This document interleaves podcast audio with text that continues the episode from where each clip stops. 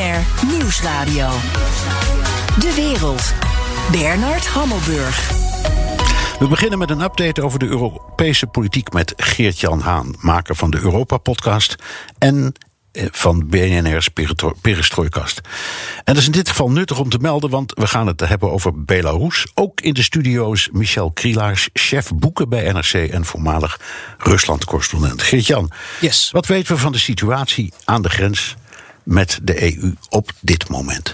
Er zijn een boel dingen gaande en er zijn een boel dingen die we gewoon niet weten. Omdat de noodtoestand is afgeroepen in Polen en ook Litouwen, uh, kunnen journalisten, maar ook NGO's um, en andere onafhankelijke waarnemers kunnen niet dichter bij de grens komen dan op zo'n drie kilometer.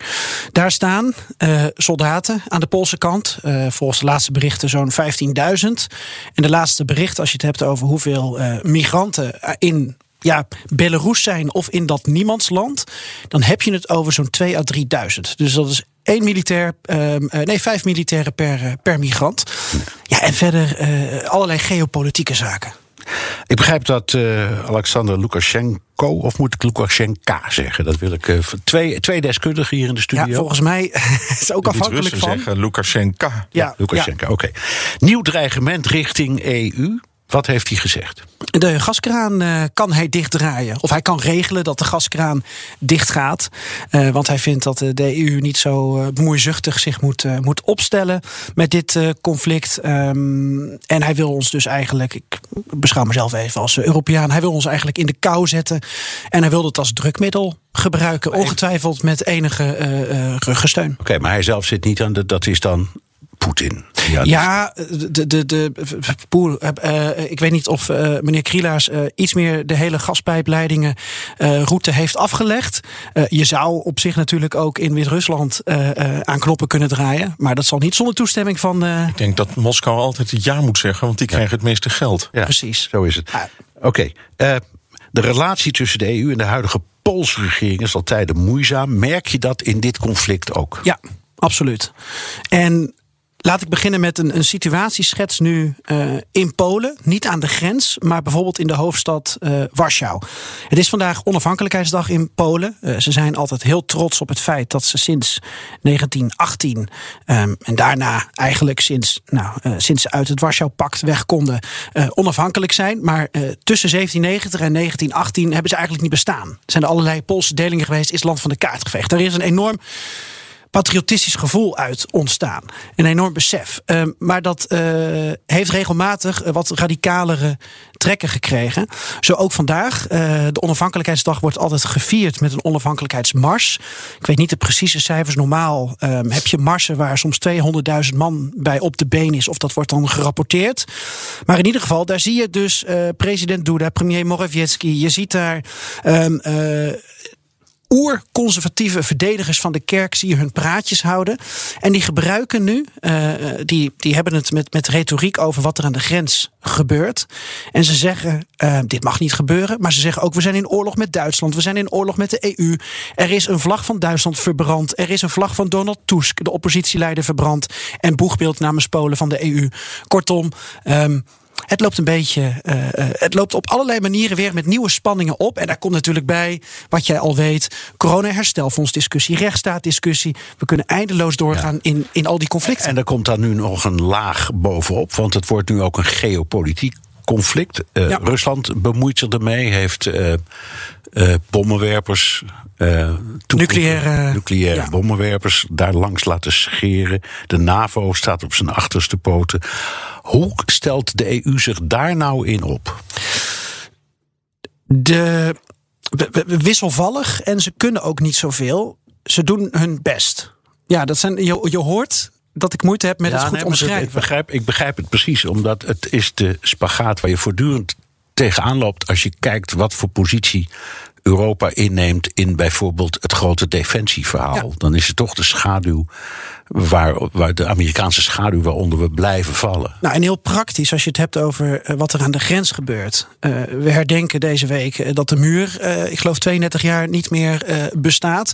Maar we zien alleen maar beelden van prikkeldraad aan de grens van de Europese Unie met Wit-Rusland. Griekenland heeft trouwens alweer een muur neergezet, maar dat terzijde. En, pardon, wat, wat opvalt is gewoon dat de EU wil, wil wel helpen. en biedt wel hulp aan aan de Polen. Frontex doet dat ook. Grensagentschap dat notabene in Warschau een hoofdkantoor heeft. Alleen, um, de Polen willen dat niet, omdat ze weten de EU wil die muur in principe niet. En uh, de EU wil um, de mensenrechten waarborgen. En wil dus eigenlijk dat die migranten op een menselijke manier behandeld worden met asielaanvragen. Nou, daar past Polen voor. Vandaar de noodtoestand dat niemand erbij kan. Dan krijg je dat hele pandemonium. 15.000 militairen. Ja, en het is allemaal machtsvertoon. En uh, de EU kan dus niet zoveel.